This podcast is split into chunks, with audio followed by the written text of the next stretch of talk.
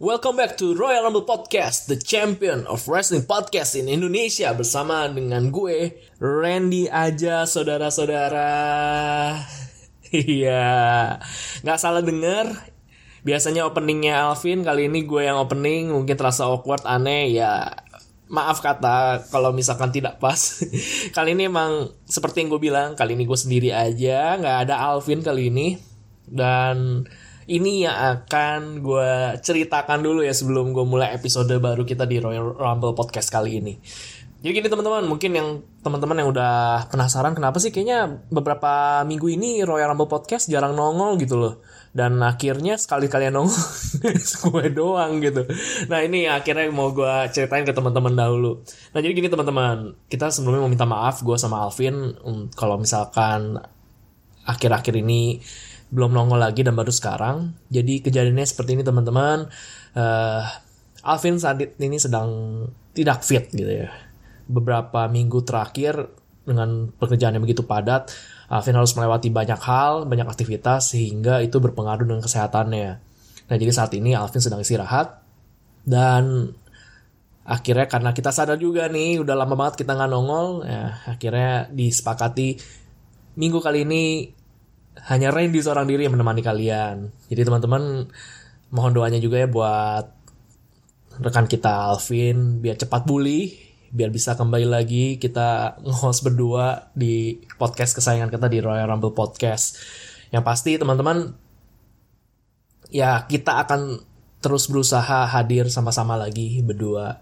Yang pasti bantu doanya juga lah untuk Alvin biar cepat pulih dan kembali.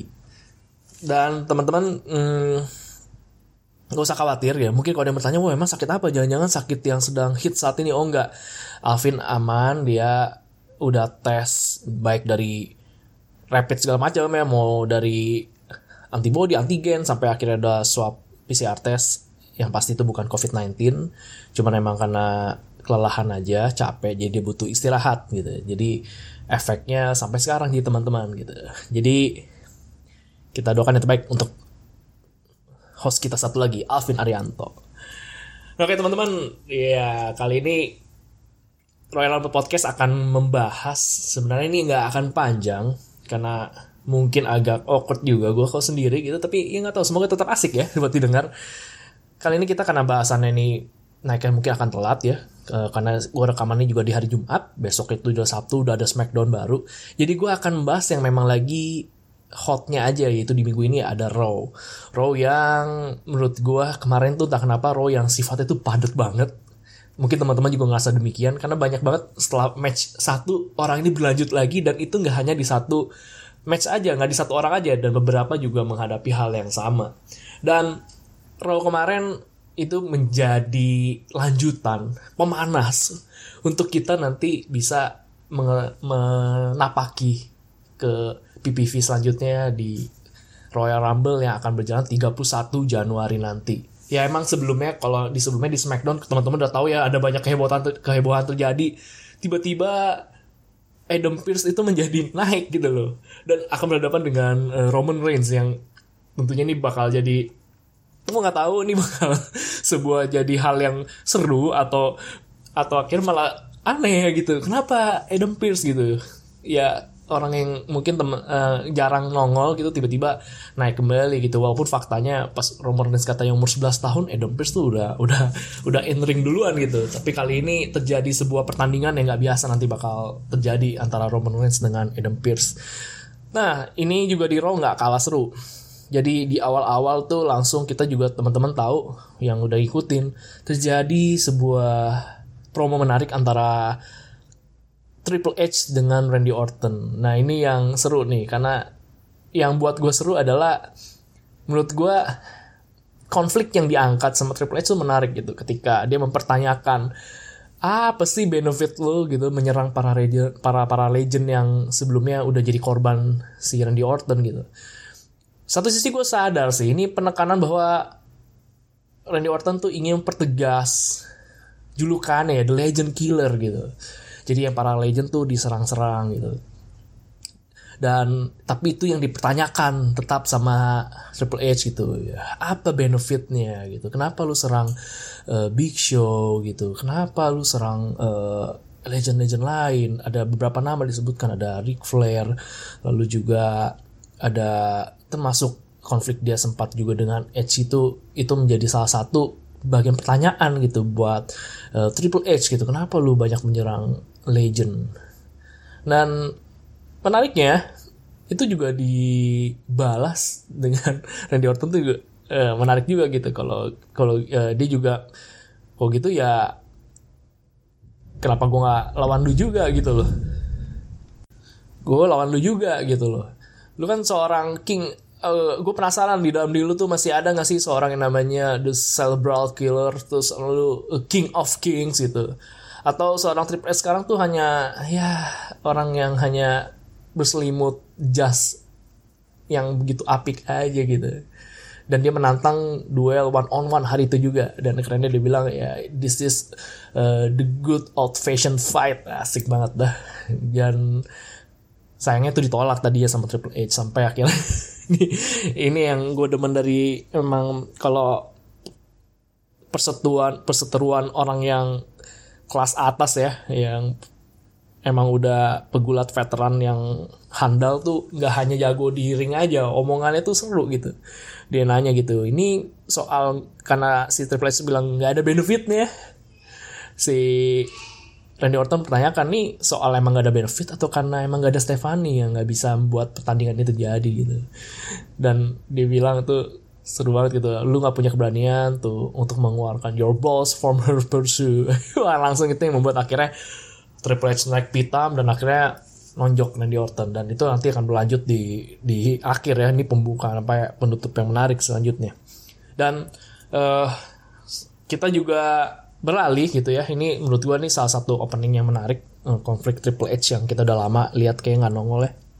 Terakhir kayaknya pas lagi um, melawan uh, eh, gue gue lupa deh Batista, Batista deh harusnya ya. Ya terakhir tuh pas Batista.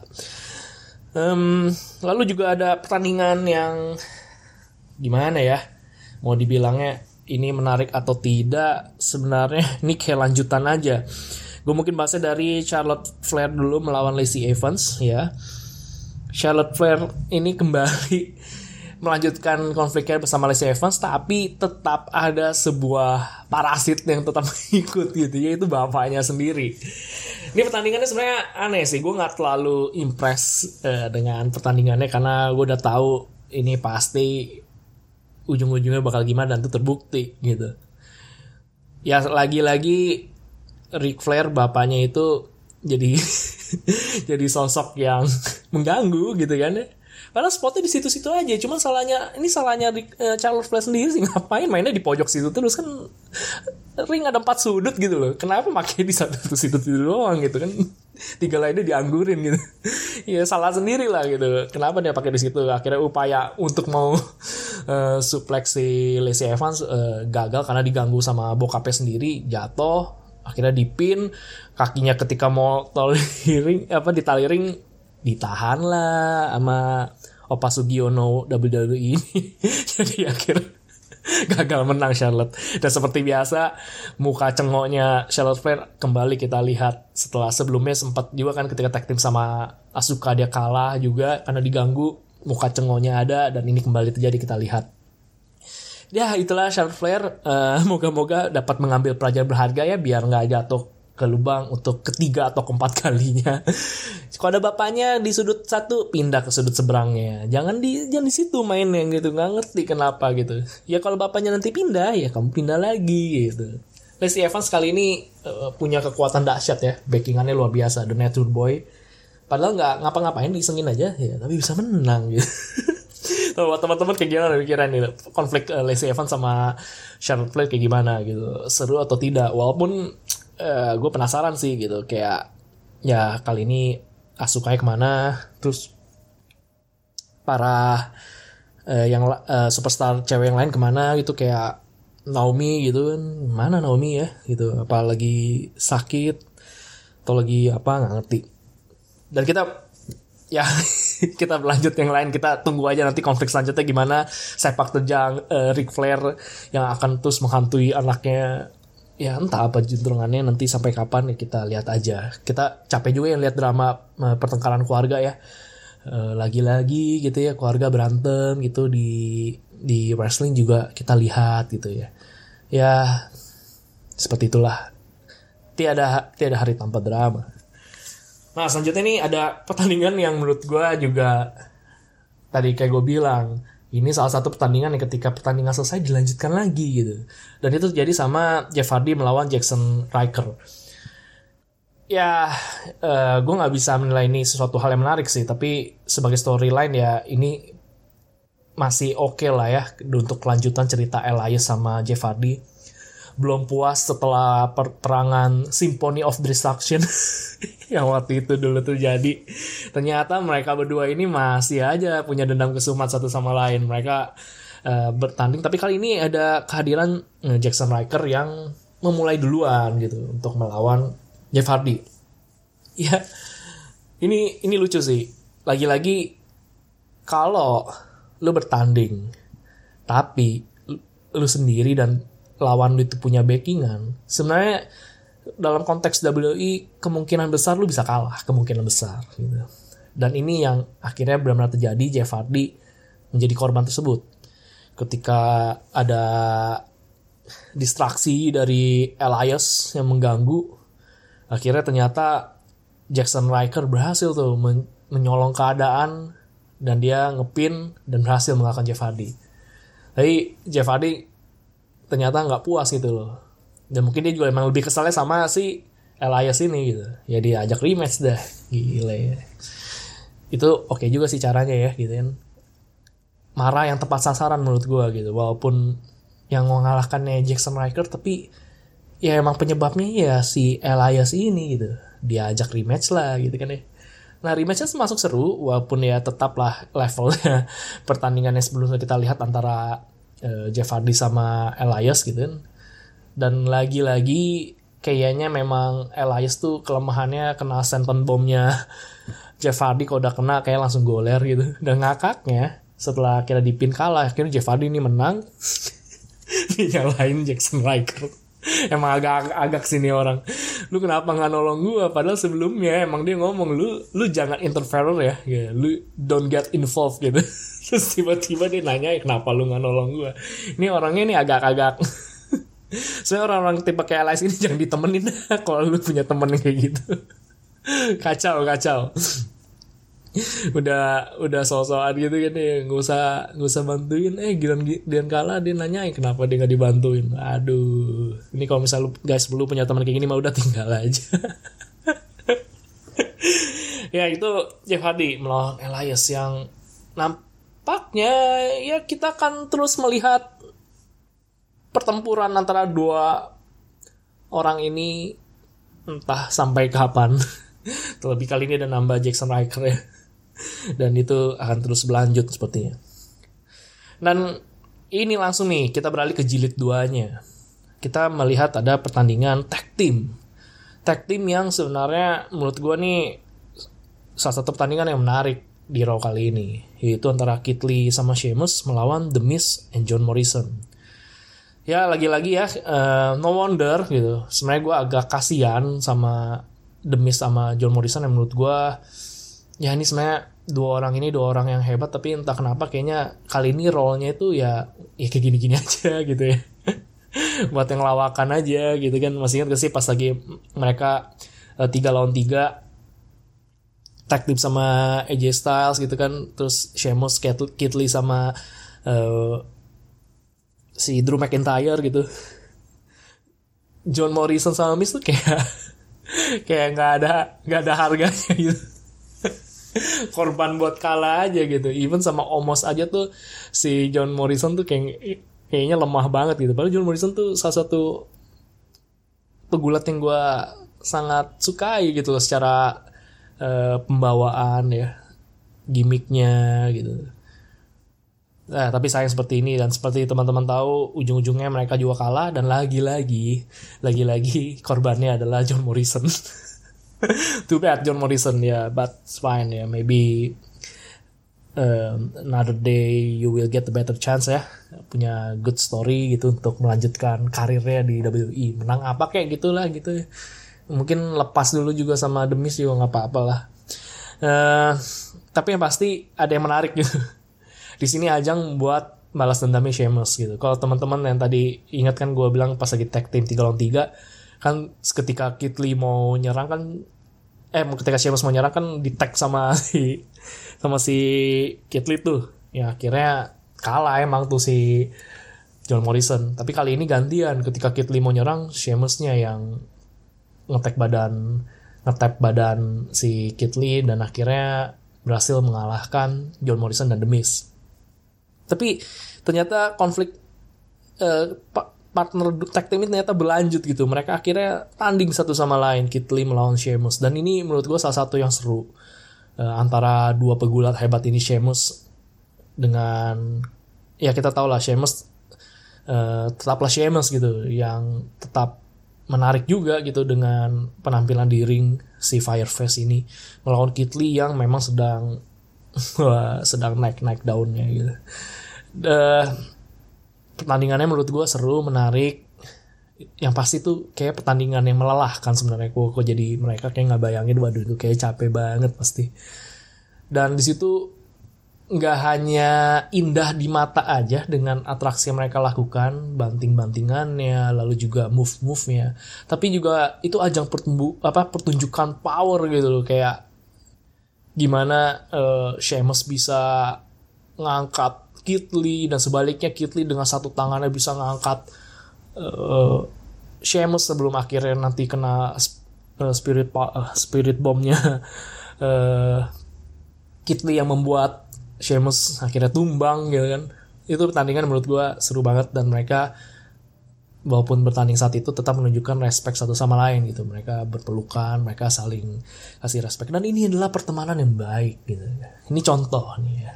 Contoh uh, yang perlu diikutin gitu kan. Perbedaan tuh nggak jadi masalah. Menang atau kalah nggak jadi masalah. Yang penting saling respect gitu.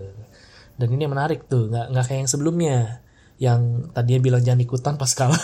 Kenapa nggak bantu gue orang yang teman kayak gitu mah takol aja langsung. Dan di sisi lain ada Triple H juga yang akhirnya menerima tantangan Randy Orton setelah dipanasi sebelumnya dan itu akan menjadi bahasan terakhir kita. Triple H kayak bener-bener marah ya, ya dengan omongannya Randy Orton itu gitu. Lalu kita saat ini beralih nih, kita ganti dulu, ganti dulu. Ada demo, eh ada demo, ada promo, demo, demo mana? PR DPR. ada promo uh, Drew McIntyre nih yang bakal lawan Opa Goldberg. ya dengan segala kepercayaan dirinya ya at at his prime-nya juga puncak karir. Drew McIntyre menantang Goldberg dan benar-benar ini ya menghasut lah gitu dengan dengan ungkapannya dia bilang your next. Your next ya your next apa dulu nih your next jadi korban ring atau Goldbergnya ketularan COVID-19. Jangan-jangan your next Ya. Gue lagi COVID-19 and your next. Ya ini kabar yang mengejutkan teman-teman. Drew McIntyre ternyata positif COVID-19 dan sementara kita harus kita kita jauh tahu juga ya bahwa tanggal 31 Januari tuh Royal Rumble udah mulai gitu. Nah ini jadi pertanyaan nih. Nasibnya Drew McIntyre bakal gimana? Saat ini dia sedang isolasi mandiri. Dan semoga cepat sembuh ya. Semoga cepat sembuh. Biasanya sih biasanya ya. Dan ini moga-moga kalau yang memang badannya kuat prima itu bisa cepat pulih. Dan semoga Drew McIntyre bisa cepat kembali juga. Dan ini kabar yang mengejutkan sih. Tiba-tiba dikabarkan uh, positif COVID-19 tidak tahu kenanya di mana ya yang pasti ini harus hati-hati takutnya menyebar juga ke superstar yang lain wah gawat deh tapi yang pasti Drew McIntyre sebenarnya secara kesiapan diri tuh udah siap banget nih mau melawan Opa Goldberg sampai bilang you're next gitu nah tinggal Goldberg sendiri nih Apakah menurut teman-teman mereka mampu? Kok mereka? Apakah menurut teman-teman gue mampu mengalahkan Drew McIntyre? Iya. Spear melawan Claymore Kick. Iya. Jangan sampai nanti mau lagi Spear ditendang Claymore Kick, wah udah nggak sadar diri nanti gue bergawat. ya kita lanjut deh, kita lanjut. Ada lagi Xavier, Xavier Woods melawan Tibar. Ya Tibar ya sebenarnya ini si Dominic Dijakovic. Ya ini hmm, gue no komen banyak lah, no komen banyak. Ya lagi kayak gue bilang, ketika lu datang sendirian melawan lawan lu yang punya backup, itu sebenarnya kalau di konteks WWE itu kecil kemungkinan untuk menang. Nah apalagi ini lawannya Tibar. Di belakangnya temennya satu tim Retribution semua. Xavier, Woods sendiri gitu ya apa mau apa mau dikata ya gitu ya ujung-ujungnya seperti yang dilihat gitu Xavier Woods tumbang melawan Tibar gitu ya tetap ada Ali yang rasanya seperti coach ya seperti coach di sepak bola di pinggir lapangan tuh ya ngasih semangat ngoceh terus gitu ala ala Antonio Conte gitu. Teriak-teriak. Ya, tapi itu terbukti Tibar menang Tibar menang dan ya Xavier Wood jadi korban kali ini. Tapi kita nggak tahu lanjutannya kayak gimana. Uh, retribution sebenarnya juntrungannya juga apa ya kita gua nggak ngerti ya tapi diikutin aja lah ya ke mana angin berhembus gitu. Ini kan tergantung ketuanya juga kan kalau ketuanya mau ke mana kan ya anggotanya biasa ngikutin ini jadi yang penting Alia nih dia mau ngapain gitu kan. Dia kalau begitu-gitu aja ya retribution akan begitu-gitu aja gitu. Kok nggak ganti ketua aja lah di kudeta aja lah. Ganti ke siapa gitu. Ya Ali kayaknya mesti mesti punya visi yang kuat nih buat retribution. Oke kita beralih ke selanjutnya nah lagi lagi ada pertandingan itu antara Bobby Leslie ya sama Riddle. Tapi yang sebelumnya juga itu nanti uh, ini juga berlanjut lagi tuh. Jadi Matt Riddle tuh nggak hanya melawan Bobby Leslie gitu, nanti dia melawan MVP juga. Dan sayangnya ujungnya dua-duanya dia jadi korban, walaupun keadaan yang berbeda gitu. Jadi pas lagi lawan Bobby Leslie dia emang kalah, lawan MVP dia menang, tapi sebagai korban. dia menang diskualifikasi karena kena spearnya Bobby Leslie. Ya ini sebenarnya pertandingan yang menarik ya. Ketika lawan Bobby Leslie itu seru. Menurut gue Matt Riddle si original bro ini salah satu superstar yang sell move-nya oke okay banget. Pas lagi Bobby Leslie ngebenturin badan dia ke ring. Wah gue demen banget tuh ngeliat pentalan badannya si Matt Riddle gitu. Ya harusnya sih sakit sih itu ya. Tapi total banget tuh si Matt Riddle terus dia juga pas lagi kena bantingan apa tuh sampai kayak matanya melotot gitu gitu kan terus pas lagi ditendang juga sama MVP itu sempat uh, rusuknya wah benar-benar ekspresinya juga kayak natural sakit gitu ini Matt Riddle nih hebat nih menurut gue walaupun kakinya nyeker tapi dia dapat memadukan ekspresi yang bagus sesuai dengan apa yang dialami sama badannya. Dan ini menurut gue keunggulan Matt Riddle juga. Ya walaupun masih belum berdaya kayaknya seorang Matt Riddle kalau menghadapi Retribution karena kembali lagi ya ini ciri khasnya Raw kali ini adalah satu. Satu orang bisa running berkali-kali dua lawannya ramean satu lawannya ada backingannya dan itu kemungkinan susah menang. Yang berhasil kayaknya cuman ini doang itu si Jeff Hardy gitu ya. Karena itu juga sebenarnya salah lagi Eliasnya. Ngapain sih bilang gak usah interfere gak usah involve? Coba kalau dikasih menang anda. Lihat yang lain tuh berhasil semua. Yang kalau ada uh, bantuan Ric Flair ke Lacey Evans terus uh, Tibar dengan satu tim Retribution gitu kan. Terus lalu juga Bobby Leslie sama MVP mereka saling mendukung gitu walaupun ujungnya kalah sih ya tapi tetap gitu. Lawannya terjadi korban gitu. Nah maksudnya seperti itu. Untuk si Elias ya udah lah Elias lagi nih jadi ya. Jadi Matt Riddle menurut gue ini sebenarnya orang oke okay banget sih. Gue berharap nanti dia mungkin bisa menang nih US Champion nanti suatu saat gitu ya. Level mid card dulu lah nanti dia naik lagi ke atas gitu menurut gue nih pribadi yang menarik gitu ya si original bro ini. Dan moga-moga ceritanya makin seru. Lalu kita juga melihat ada lawan Drew Gulak. Ya lagi-lagi akhir-akhir ini semakin hari semakin ke sini ya semakin waktu berjalan gue melihat kayaknya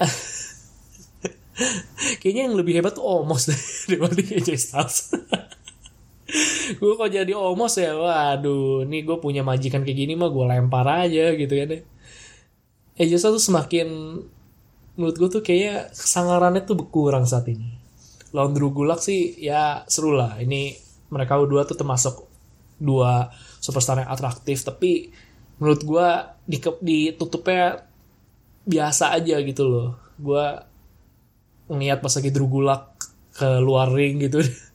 Tiba-tiba dia melihat sebuah kaki yang besar gitu kan. Dan dia ngeliat ke atas ternyata ada Omos gitu. Lalu dibawa masuk akhirnya kena phenomenal arm, dipin kalah gitu.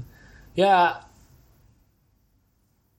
uh, menurut gua itu kurang manis aja. Satu membuat Drew Gulaknya juga kayak kalahnya apa banget sih gitu. Kayaknya dia mentalnya lebih rusak ngelihat Omos dibanding ketika lagi bertanding melawan AJ Styles gitu ya. AJ Styles ternyata segitu. Ya asal teman-teman tahu ya emang AJ Styles sebegitunya.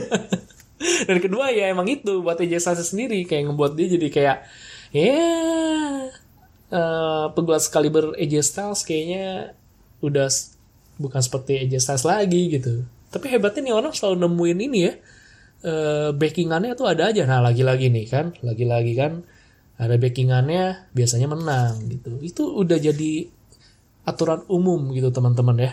Udah jadi aturan umum. Dan itu jadi ciri khas Raw kali ini. Ada yang dampingin biasanya menang. Omos lagi kan gile gitu. Orangnya tinggi banget serem gitu kan. Hmm siapa yang emang juga berani? Ya ijazah lagi-lagi kebantu. Walaupun tidak langsung ya. Melalui intimidasi tatapan mata aja sudah membantu ijazah untuk menang gitu. Hebat nih Omos ini nih. Aduh hoki banget nih si ijazah nemu aja orangnya gitu kan. Dia ada aja nemu partnernya gitu untuk ngebela dia. Hebat juga sih ini si ijazah oke okay. kita beralih ke Mandy Rose and Dana Brooke melawan Nia Jax dan Shayna Baszler. Lagi-lagi di pertandingan kali ini kita melihat Shayna Baszler sama Nia Jax beraksi ya sebagai uh, tag team yang entah kapan mereka akan pecah tapi akhirnya pertanyaan itu nampaknya sudah menunjukkan titik cerah. Karena ketika di bagian akhir kejadian seperti Kit Lee dan juga Sheamus terulang tapi kali ini sama Shayna Baszler dan Nia Jax ya. intinya memang Dana Brooke sama Medeiros kalah lah ya. Gue nggak akan bicara panjang lebar lah. Dan kali ini membuat Nia Jax kayaknya terheran-heran dengan partnernya Shana Baszler. Ketika kayak udah mau dikasih finisher, eh di tap sama si Shana Baszler dan akhirnya di submission kalah akhirnya Dana Brooke tap out. Hal ini akhirnya nampaknya menjadi cerita baru nih buat Shana Baszler sama Nia Jax yang kayaknya kayaknya menjadi akhir yang kayaknya ya menjadi akhir perjalanan persahabatan mereka gitu tapi gue ada senangnya juga sih. Mungkin dengan nanti terpecahnya mereka Shayna Baszler juga bisa kembali menjadi Shayna Baszler yang kita tahu seperti di NXT dulu ya. Mungkin dia bisa punya career path yang lebih jelas lagi yang bukannya level tag team gitu ya. Nia Jax pun juga sama kayaknya. Ya walaupun kayaknya Nia Jax being Nia Jax sih. Tapi setidaknya Shayna Baszler bisa menurut gue bisa ketolong lah nanti. Bisa menjadi jadi sesuatu dan ya Ajax ya moga-moga juga bisa ada perubahan positif ya. Kayaknya agak bosen juga nih ngelihat mereka jadi tag team tapi ya begitu-gitu aja gitu. Ya nah itu nanti kita lihat lah mereka berdua kayak gimana. Kalau lihat mukanya Ajax sih ya jelas ya mukanya nekuk banget ya nggak enak nggak enak dilihat dia kayak kesel heran gitu sama Shayna Baszler tapi Shayna Baszler juga unik sih biasa-biasa aja asik-asik aja dia mah cuek gitu kan ya itu uh, Shayna Baszler sama Najix melawan Dana Brooke dan Mandy Rose dan kita masuk ke bagian akhir nih yang seru yaitu ketika akhirnya Triple H berhadapan dengan Randy Orton. Nah ini menariknya, gue ketika lagi ngeliat Triple H masuk itu pakai kaos, gue udah menduga nih kayaknya pertandingannya ada sesuatu nih. Dan ternyata bener gitu. Nggak, nggak berakhir sebagaimana mestinya. Tiba-tiba ketika akhirnya lagi mereka bergulat satu sama lain, Triple H mau ambil palunya, hammernya, lo kok tiba-tiba gelap? Wah, ini pasti The Finn bakal muncul nih. Tapi yang bikin gue sempet kaget adalah tiba-tiba palunya Triple H keluar api. Itu gimana ceritanya coba? Yang lebih kagetnya lagi tiba-tiba Triple H hilang. Ini kayak diumpetin kolong wewe kasihan. Ke mana coba itu? Itu, itu petingginya WI loh, jangan diumpetin loh, gawat loh. Eh tiba-tiba di Orton bertemu sama Alexa Bliss gitu. Nah Alexa Bliss ini kayaknya masih belum move on ya dari tahun baru ya. Tiba-tiba dia ngeluarin api. Mungkin dia ketiduran pas tahun baru. ya udah lewat deh. Gue udah beli nih kembang api nih. Bener-bener bukan kembang api lagi tuh. Bener-bener api gue. Dan itu diarahkan ke Randy Orton. Dan itu mengenai mukanya. Bahaya ya mainnya WWE sekarang ya serem gitu. Mainnya mata gitu kan. Gak cukup tuh yang seorang Mesaya Halu juga mengeluarkan satu mat seorang bapak dua anak. Kali ini ada lagi nih eh, kejadian nih orang lagi berantem sama siapa, eh ditembakin pakai api. Tapi ini jadi menarik nih. Ini tampaknya udah ada shifting lagi kan karena emang Drew McIntyre sama Goldberg. Nah, Randy Orton di shifting dulu sempat dengan The Finn lalu juga akhirnya Triple H dan ini akhirnya kembali lagi nih dengan Alexa Bliss sama The Finn dan gue nggak tahu apakah efek selanjutnya dengan Randy Orton matanya kayak gimana yang ngeri juga lah ya uh, kalau emang bener ceritanya bener kena api gitu kan aduh susah ngeliat gitu loh. Gimana seorang legend killer the apex predator terus seorang uh, the viper gitu tapi nggak bisa ngeliat gitu. Mungkin lagi dibawa ke JEC tuh Jakarta Eye Center buat diperiksa mata ya moga-moga uh, cepat sembuh buat Randy Orton ya. Dan bisa membalas dendamnya mungkin karena unik juga ini yang munculnya asal Alexa Bliss terus nih Devinnya ke mana belum tahu tapi ngomong-ngomong Alexa Blissnya charming juga pas lagi uh, bagian itu semakin misterius malah semakin seru untuk melihat Alexa Bliss sebagai bagian dari Firefly House itu ya. Firefly Fun House ya. Ya, kurang lebih itu teman-teman ya.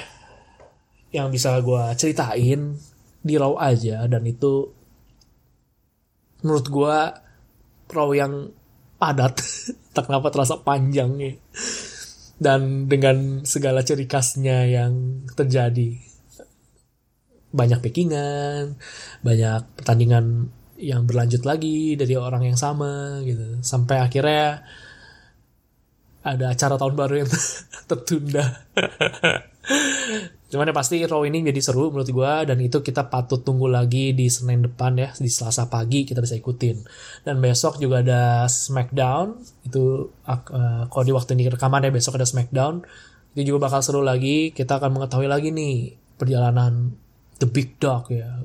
Sama bukan the big dog lagi nih, mesti head of the table ya. The tribal chief ya. The Roman Reigns yang kali ini uh, berhadapan dengan Adam Pearce gitu. Mesti Adam yang lain gitu lah ya. Apa? Adam Cole gitu kan, Adam Levine, Adam Lambert, Adam Jordan ya siapa? ya ini malah Adam Pearce ya. Tapi nggak apa-apa. Siapa tahu ada hal yang menarik ya gitu. Walaupun gue kayaknya nggak gitu excited sih terlalu sayang level Roman Reigns harus terlibat konflik yang seperti ini. Tapi ya semoga aja tiba-tiba ada kejutan ya ada plot twist gitu tiba-tiba wow ternyata ini luar biasa seru gitu. Gue berharap seperti itu. Yang pasti kita sama-sama menantikan Royal Rumble bakal seperti apa karena menurut gue Royal Rumble ini harus dikemas dengan baik karena ini biasanya menjadi cikal bakal konfliknya akhirnya berujung pada Royal apa eh pada WrestleMania.